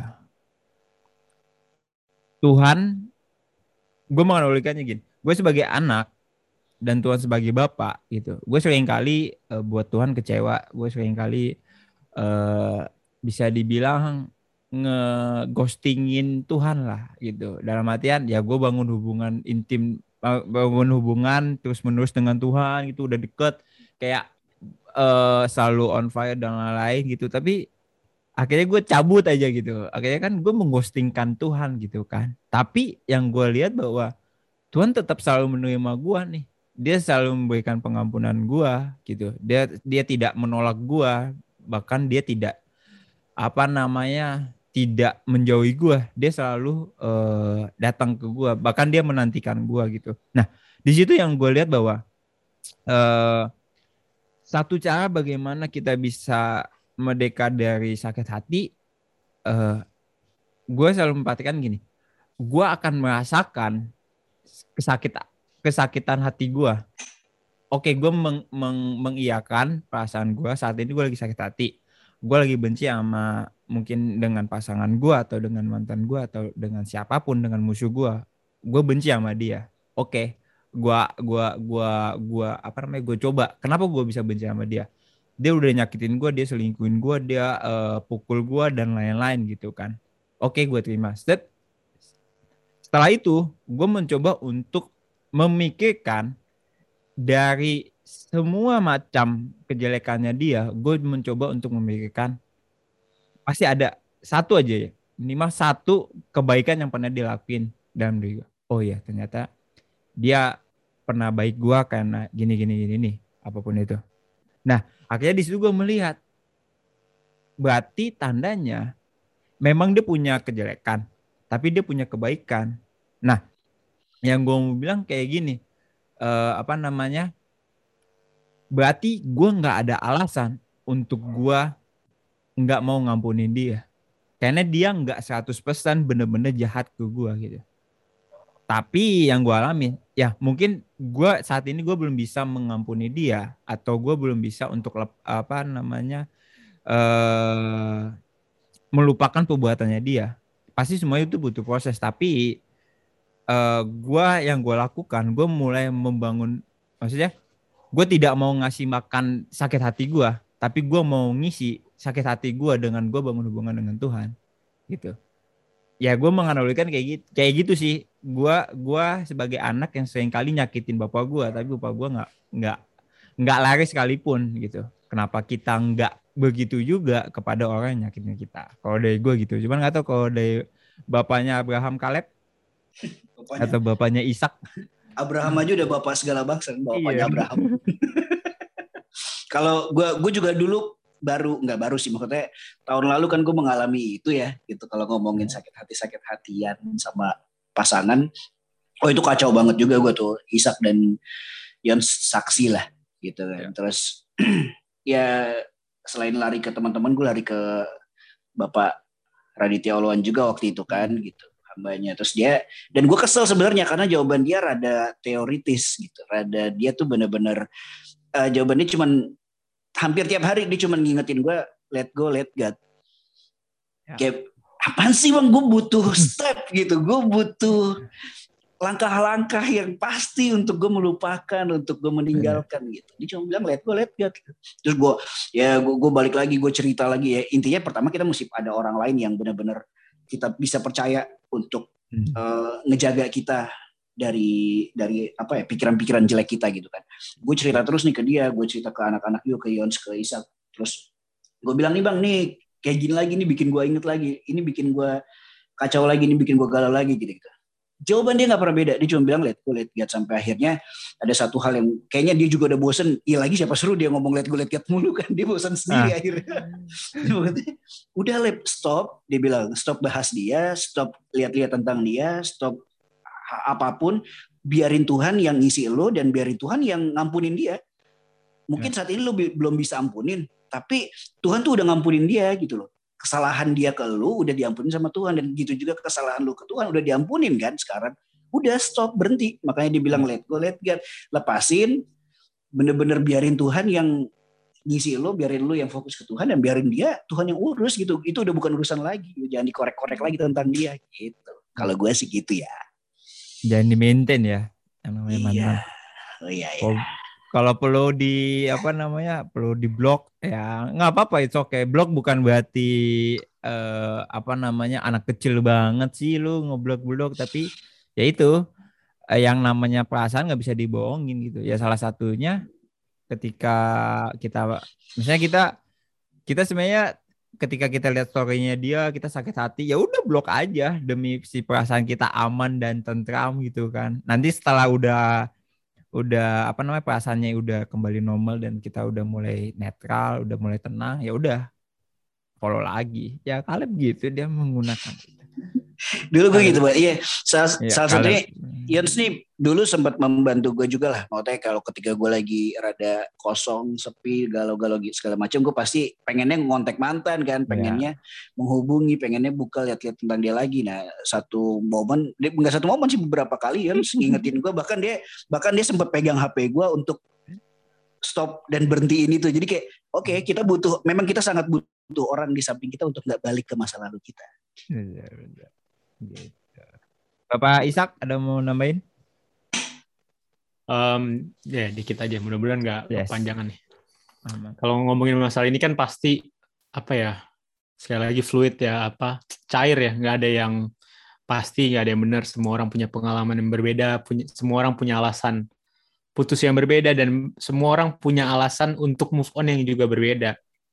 Tapi satu hal yang menurut gua penting untuk dipastikan setiap kali se- baru mengakhiri hubungan, kita harus ganti prioritasnya. Prioritasnya bukan lagi menghilangkan sakit hati. Itu menurut gue sih Miranda kayak karena saat kita menghilangkan sakit hati, kita hanya em, sedang apa istilahnya ngasih makan diri kita yang em, apa ya? Karena pertama faktanya adalah sakit hati itu nggak bisa dihindarin. Ya. Dan kadang-kadang kita juga memerlukan sakit hati gitu. Kita memerlukan hal tersebut untuk proses-proses tertentu yang membuat kita entah kenapa berpikirnya jadi lebih jelas, kita bisa karena kan kalau misalnya dibilang dalam hubungan tuh cinta kita sering kali kayak dimabuk kepayang gitu ya. Kayak saking sukacitanya, saking bahagianya kita lupa segala sesuatu. Sebaliknya, sakit hati, rasa penderitaan, makanya Yesus bilang kan kalau mau ikut dia ya ikut pikul salib gitu.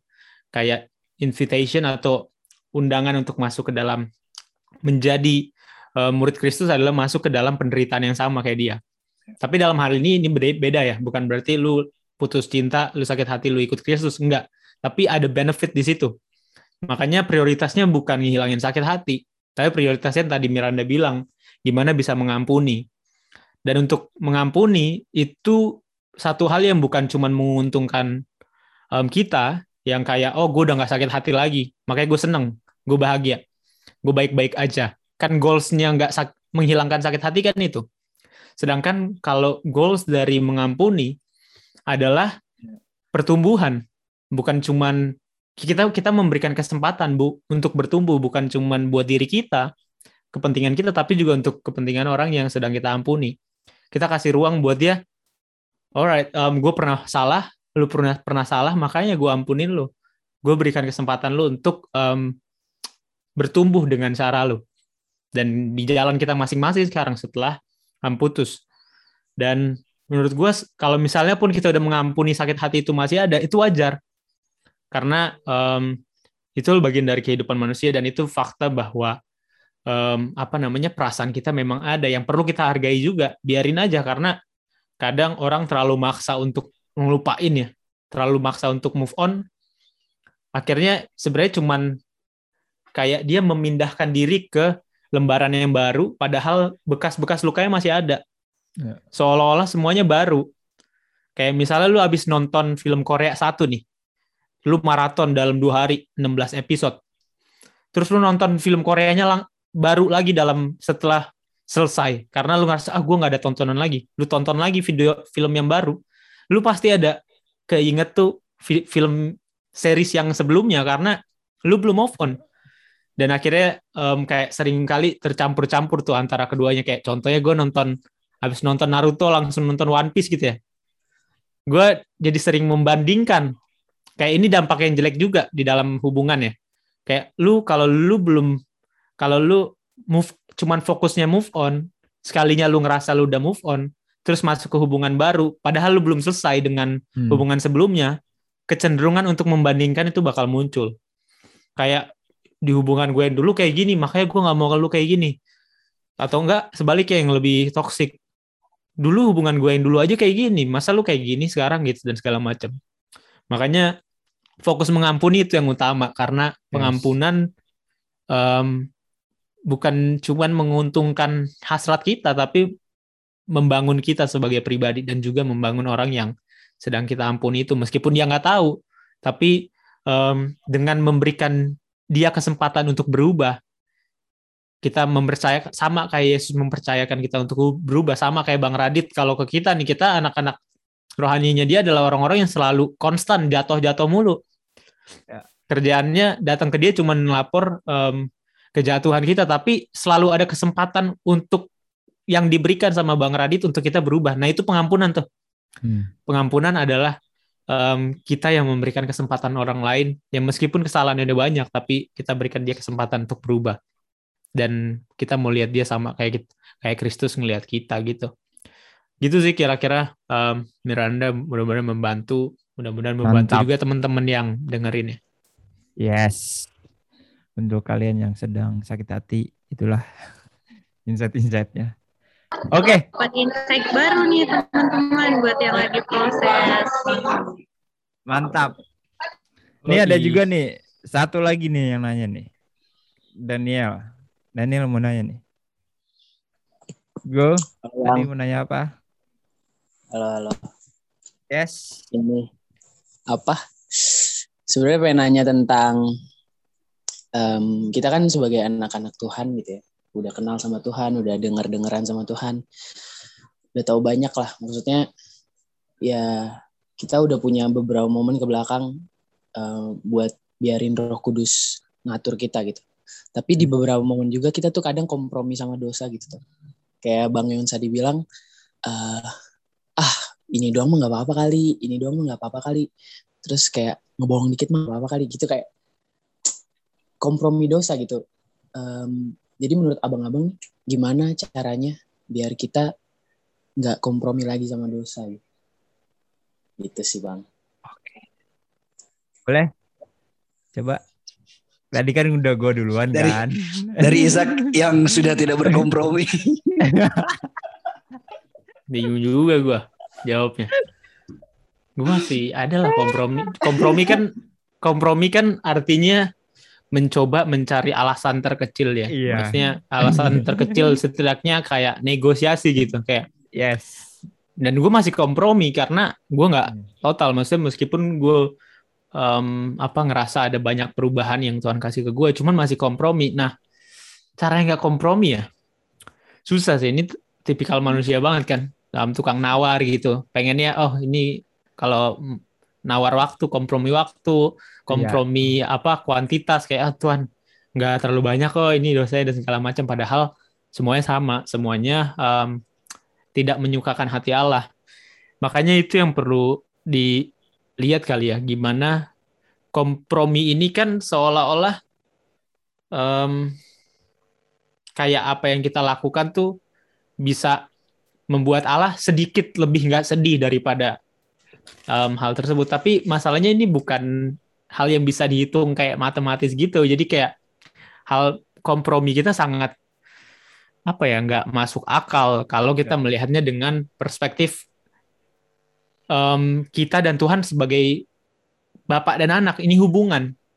Ini kita bukan sedang berbisnis sama Tuhan, makanya kompromi kompromi bukan satu hal yang masuk akal karena hubungan gue sama Tuhan nih bapak dan anak dan gue nggak sedang apa ya kayak gue mau menyenangkan dia, gue mau lakuin apa yang dia lak- dia inginkan bukan karena oh gue diuntungkan juga dari situ gimana makanya gue agak bingung jelasinnya cuman em, pertama ya kompromi itu manusiawi banget. Tapi di dalam hal ini kita sedang menjalin suatu hubungan yang sifatnya ilahi yang perlu kita apa ya apresiasi perlu kita em, syukuri dengan nggak membawa kemanusiaan kita itu ke dalam hubungan kita sama Tuhan. Makanya em, supaya nggak kompromi yang jelasnya ya kita perlu sadari betul kalau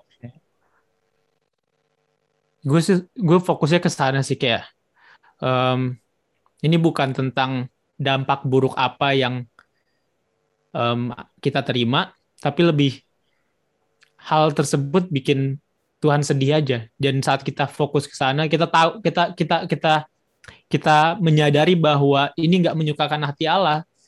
Dan kita menjadi makanya kita pertama-tama harus value hubungan kita sama Tuhan dulu. Kayak saat kita ngerasa hubungan kita sepenting itu saat kita menjadikan Kristus sebagai prioritas utama kita saat kita menempatkan dia sebagai yang satu-satunya saat kita mulai kompromi saat kita mulai em, kayak nego nego kita bakal sadari bahwa oh enggak ini tetap bikin dia sedih gitu. Kayak sama kayak misalnya hubungan kita sama mama kita. Seringkali em, apa namanya kita pasti nego sama mama kita pulang Yes. malam dan segala macam tapi saat kita tahu em, kayak gue gue bertobat jus- jujur gara-gara em, gue tahu mama nyokap gue nangis karena gue dulu kan gue waktu SMA waktu gue SMP gue dari kelas 1 sampai kelas 3 SMP teman-teman gue em, masuk sekolah tuh cuman seminggu sekali. Hmm. jadi gue cuman masuk seminggu sekali terus em, sampai kelas 3 SMP ya. Jadi selama tiga tahun. Dan tiba-tiba jadi selama berjalannya tiga tahun itu nyokap gue sering tahu sering tahu. Dan akhirnya gue kayak kompromi oh ya udah kurangin. Oh kurangin. Em, jadi kayak gue nggak ngomong sih bakal kompromi cuman ya udahlah mending lebih mending lah. Dulu kan cabutnya empat lima apa empat hari se- seminggu ya empat kali seminggu. Hmm. sekarang ya tiga kali seminggu lah. Tapi yang bikin gue sadar dan bertobat adalah saat gue tahu bahwa nyokap gue nangisnya sama kayak nangis waktu gue cabut empat kali seminggu gitu loh. Meskipun gue udah tinggal pada akhirnya cuma dua kali seminggu itu dia tetap nangis dan dia tetap merasakan kesedihan dan um, sakit hati yang sama karena mendapati gue masih dengan kebiasaan sama yang sama. Meskipun um, ya kuantitasnya berubah tapi kualitasnya atau buruknya tetap sama. Nggak ada yang beda. Makanya gue ber, berubah di situ karena gue sadar oh enggak ini tetap satu hal yang menyakitkan hati dia. Dan bersamaan dengan itu ini menyakitkan hati dia karena karena dampak buruk yang diberikan ke gua ngerti nggak sama kayak hubungan kita sama Tuhan. Kenapa kita nggak nggak bisa kompromi sama dosa? Karena Tuhan sedih karena itu. Dan hmm. lebih sedihnya lagi karena dia sedih ngelihat kita yang akhirnya yang dampak buruknya kena ke kita gitu. Dia nggak sedih karena ini kepentingan dia tapi dia sedih karena dia sayang sama kita. Dia sedih karena anak anaknya sendiri nih lagi melukai diri sendiri. Makanya hmm. itu yang membuat kita kayak um, harusnya ya um, kompromi nggak jadi satu hal yang masih kita lakukan. Kalau kita udah bisa melihat sampai sana but I'm in the process as well. Gue di dalam proses itu juga. Proses menghargai kasihnya Tuhan gue yang mengasihi itu. Um, ke gue yang bahkan nggak nggak mengasihi diri gue sendiri. Gitu sih. Um, dan kayaknya dari gue dari Kaleb emang agak berat ya. Iya. Banyak banget uh, jawaban-jawaban teoritis yang bisa kita lantarkan. Tapi maksudnya ya ini mesti mesti kita sendiri yang ngejalanin gitu. Jadi cuman jangan sampai ini jadi intimidasi buat kita jadi nggak bisa balik ke Tuhan gitu kan. Karena yang gue tahu kenapa orang nggak bisa berhenti berdosa? Karena dia kehilangan kebenaran gitu. Kita kita akan terus ngelakuin kesalahan karena kita kehilangan kebenaran yang kita punya atau kita sedang tidak melihat kebenaran yang ada gitu. Jadi ya mungkin mungkin ini terdengar teoritis ya mungkin ini terdengar sangat cuman ah itu terlalu apa namanya klise gitu.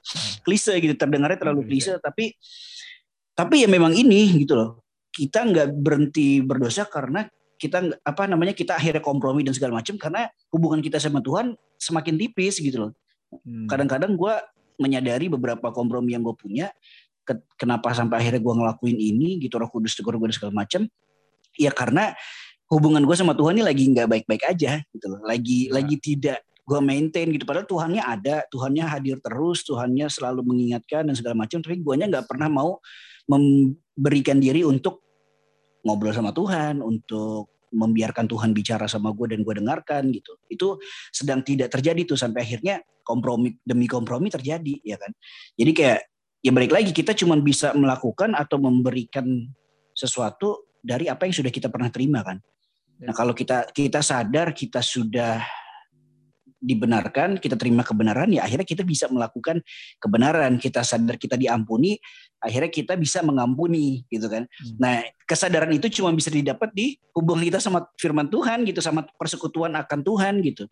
Di luar itu nggak bisa, makanya kenapa kita berkomunitas, kenapa kita uh, sharing satu sama lain, sama orang-orang yang kita percaya dan segala macam. Tujuannya apa? Mengingatkan kita akan kebenaran firman Tuhan yang kita mungkin pernah terima atau mungkin yes. yang baru akan kita terima karena kan ya kita manusia gitu rentan banget sama yang namanya uh, jatuh dalam dosa. Tapi sekali kita sudah dibenarkan dibebaskan ketika gue lagi lemas gue nggak mampu untuk melihat kebenaran tiba-tiba gue dengar berita kebenaran dari Yons dari Isa dari teman-teman semua di sini akhirnya gue kayak oh iya ya ada kebenaran itu ya. Gue diingatkan lagi sama Roh Kudus gue dikuatkan lagi sama orang-orang di sekitar gue sehingga gue mampu berdiri lagi gitu. Jadi kalau ngomongin kompromi gimana caranya berhenti ya balik lagi lihat ya udah.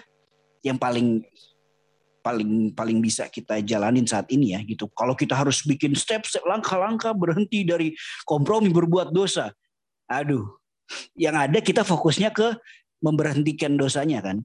Ya. Sedangkan Tuhan nggak nggak istilahnya Tuhan tuh nggak peduli lo berhenti bukan nggak perlu ya gimana ya bahasa tepatnya. Tuhan nggak pengen lo sekadar berhenti dari dosa, tapi Tuhan pengennya lo punya hubungan sama Dia gitu loh karena yes. hubungan sama Dia membuat lo keluar dari dosa itu bukan sekadar berhenti dari dosanya tapi terhubung sama Tuhannya gitu. Jadi kadang-kadang kita berusaha relevan sama dunia kan. Sedangkan yang Tuhan mau bukan relevan sama dunia, tapi relevan sama surganya.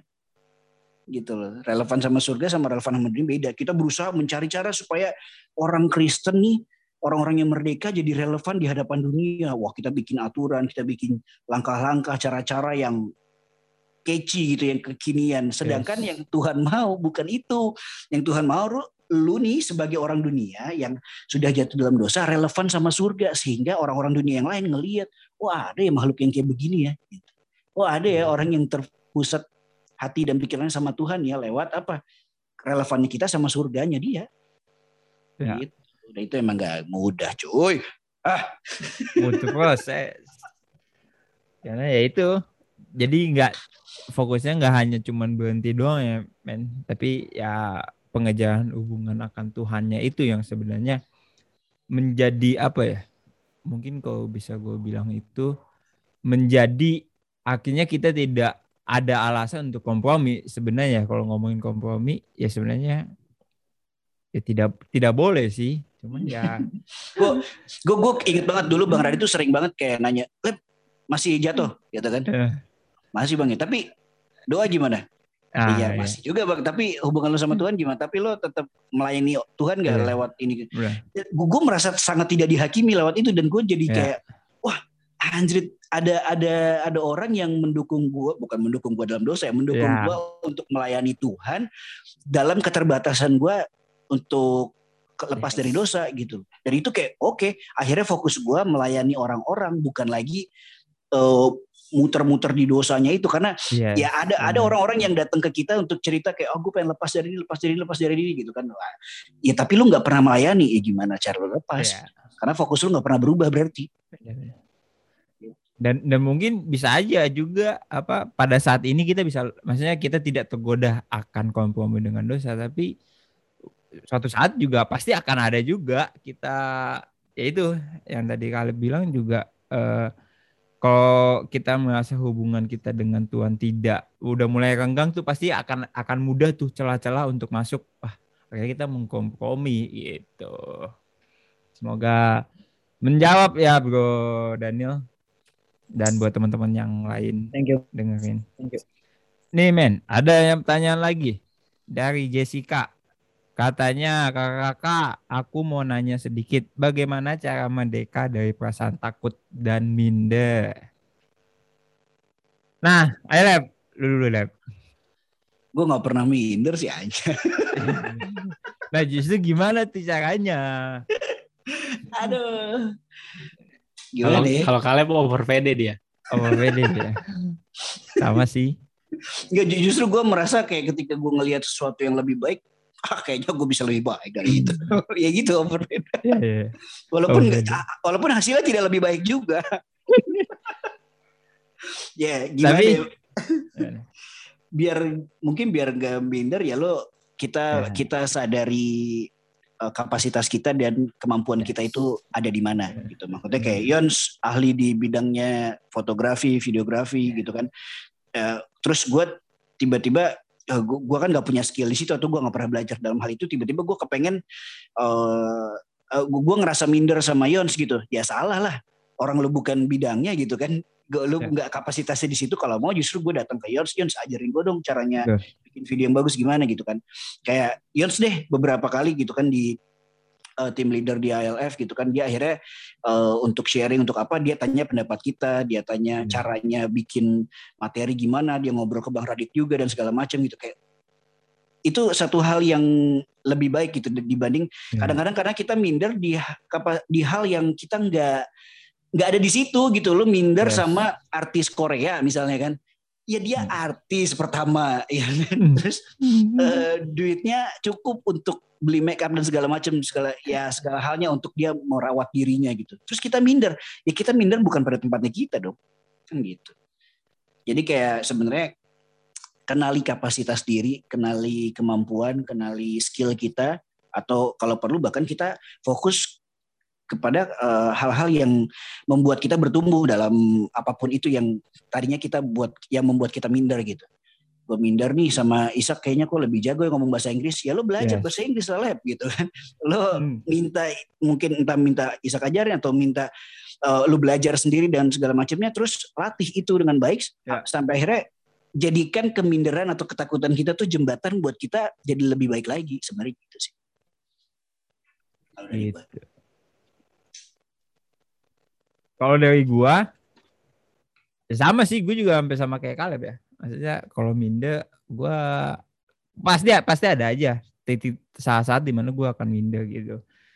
Tapi yang gua caranya gua untuk gua menghadapi rasa minder gua, gua selalu eh gua gua akan mengatakan ke diri gua bahwa sebenarnya setiap orang tuh punya talentanya masing-masing gitu. Setiap orang tuh punya kapasitasnya masing-masing gitu. Kenapa sering kali kita minder? Karena kita membandingkan diri kita dengan orang lain, tapi kita lupa membandingkan diri kita dengan diri kita yang sebelumnya gitu. Karena eh, kita kan suka eh, suka apa ya? Suka melihat eh, orang lain dari tampilan luarnya doang nih. Oh, dia bisa eh eh tadi kalian bilang kan, wah dia bisa jago. Mungkin kalau gue gue jago di media, tapi kalian di khotbah gitu. Tapi gue tidak menutup untuk gue, aduh, akhirnya gue masa minder nih sama Kaleb. Karena Kaleb Kaleb punya kapasitasnya di di bagian firman, gue punya kapasitas gue di fotografi gitu. Nah, caranya adalah ya tadi Kaleb juga udah bilang juga, ya bela- belajar atau melatih diri kita gitu. Misalnya kita minder, kita untuk ngomong di depan orang banyak gitu. Ya cara salah satu caranya kita mulai latihan ngomong di depan kaca gitu. Kita mulai eh, mulai mencoba untuk apa namanya step by step lah untuk eh, percaya diri. Kita mulai eh, step by step untuk mungkin ngomong di depan teman kita. Eh, gue gue mau ngomong nih gitu. Kayak kayak misalnya nih kayak Kaleb, eh gue waktu itu bilang Kaleb, Leb, gue nggak tahu nih cara khotbah kayak gimana. Gue bener-bener gue takut banget nih, gue nggak tahu eh, tentang firman, gue nggak tahu apa. Tapi kurang lebih gue bakal ngebahas ini nih. Nanti gue minta feedback ya gimana. Gue gue kasih tahu ke Kaleb, ini nih gue nanti akan ngebahas ini gini ini. Hingga akhirnya gue sadar bahwa si keminderan gue itu akhirnya teratasi karena sebenarnya kenapa kita suka minder itu? Karena kita sudah sebenarnya balik lagi nih dengan perasaan takut dan minder itu saling berkaitan menurut gua. Karena kita minder karena kita takut bahwa diri kita nggak kompeten atau diri kita nggak mampu.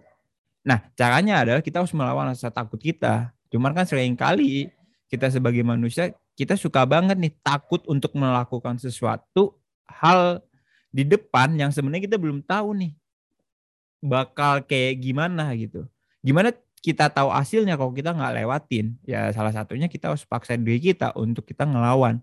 Oke mau apa kayak tadi kalian bilang kan mau mungkin eh, apa namanya hasilnya belum maksimal is oke tapi setidaknya udah mencoba. Dibandingkan kita nggak mencoba sama sekali yang kita nggak tahu nih hasilnya mau kayak gimana. Akhirnya menjadi sebuah teka-teki sampai kapan pun ketika kita di satu misalnya simpelnya kayak gini.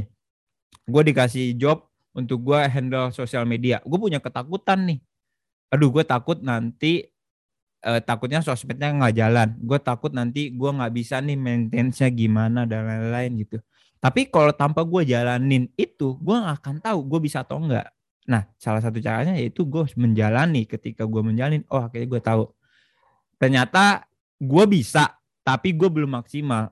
Dan setelah gue melewati itu akhirnya gue mulai mengintrospeksi diri gue oh jadi kalau ini gue atasinya dengan caranya gue bikin time schedule, gue bikin apa namanya meeting setiap hari dan lain-lain. Akhirnya teratasi sebenarnya rasa takut kita, rasa minder kita dan itu butuh proses banget gitu.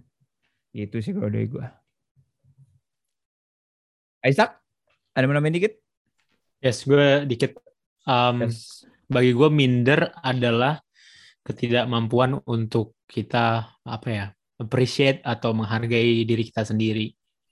Memang em, banyak orang yang mengalami hal yang sama, meskipun ya gue mirip-mirip sama Ale sama Sion yang gue bukan ke minder sih, lebih kayak lebih gue mengubah ke nggak tahu gue belum pernah mengalami minder, tapi lebih ke apa ya dalam apa yang gue lakukan ngerasa belum nggak puas, tapi bukan membandingkannya dengan orang lain.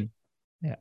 Jadi gue lebih kayak oh jadikan sebuah introspeksi yang buat minder itu buruk karena kita menilai diri kita berdasarkan keberadaan orang lain dan itu yang salah. Makanya cara salah satunya dan ini butuh latihan tentunya. Yes. Cara sal- salah satu cara untuk menghilangkan minder adalah membiasakan diri untuk mengapresiasi setiap hal yang kita lakukan. Bahkan pencapaian-pencapaian kecil di dalam kehidupan kita sekalipun harus kita biasakan untuk kita apresiasi. Dan itu bakal menimbulkan kepercaya dirian, bukan cuman percaya diri bahwa gue mampu melakukan segala sesuatu, bukan, tapi kepercayaan bahwa oh diri gue mampu kok, diri gue bisa sama seperti kita percaya sama orang lain. Kayak gue percaya nih sama Yons, Yons bisa em, ngedit video dengan baik, gue percaya banget. Nah kepercayaan yang serupa juga itu kita akan biasa, kita perlu biasakan untuk kita berikan sama diri kita sendiri. Yes. Dan apalagi kita yang paling tahu diri kita. Kenapa jadi nggak apa namanya nggak masuk akal kita kita lebih percaya orang lain daripada diri kita. Padahal kita tak paling tahu tentang diri kita. Kita paling tahu lemahnya kita di mana dan kurangnya kita di mana. Dengan kata lain saat kita tahu lemahnya kita, kita tahu mana yang harus diperbaiki, mana yang harus di-upgrade, mana yang harus ditingkatkan.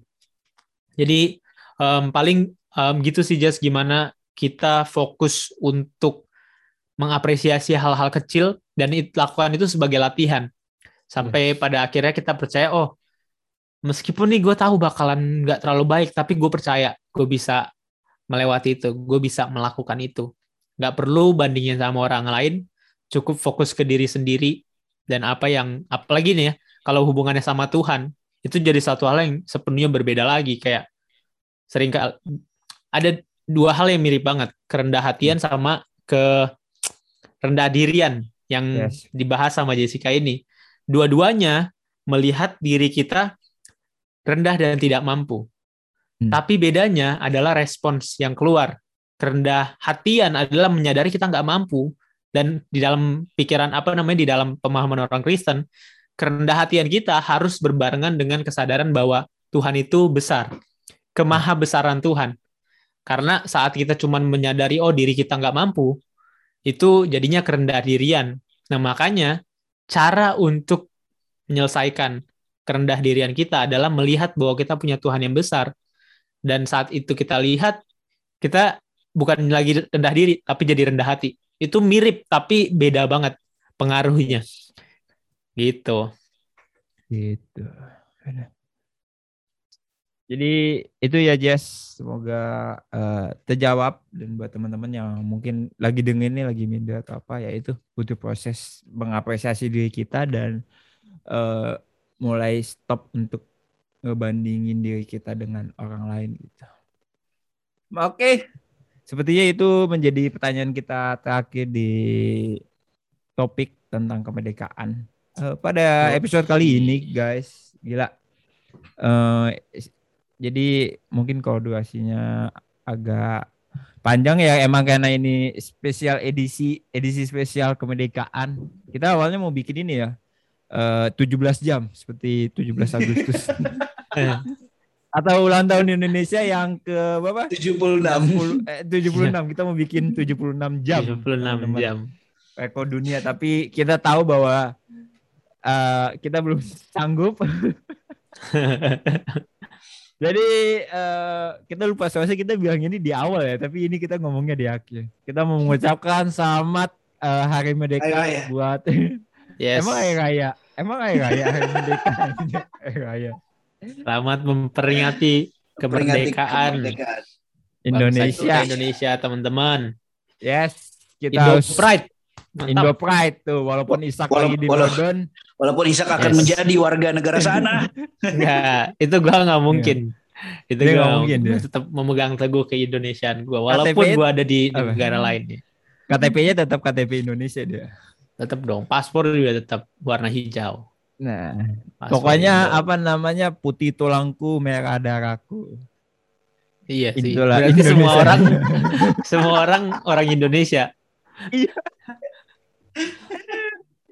Jadi itulah teman-teman ngomongin tentang kemerdekaan. Tadi kita udah ngebahas tentang kemerdekaan secara umum dan kemerdekaan secara kekristenan dan tentunya eh, ada banyak insight.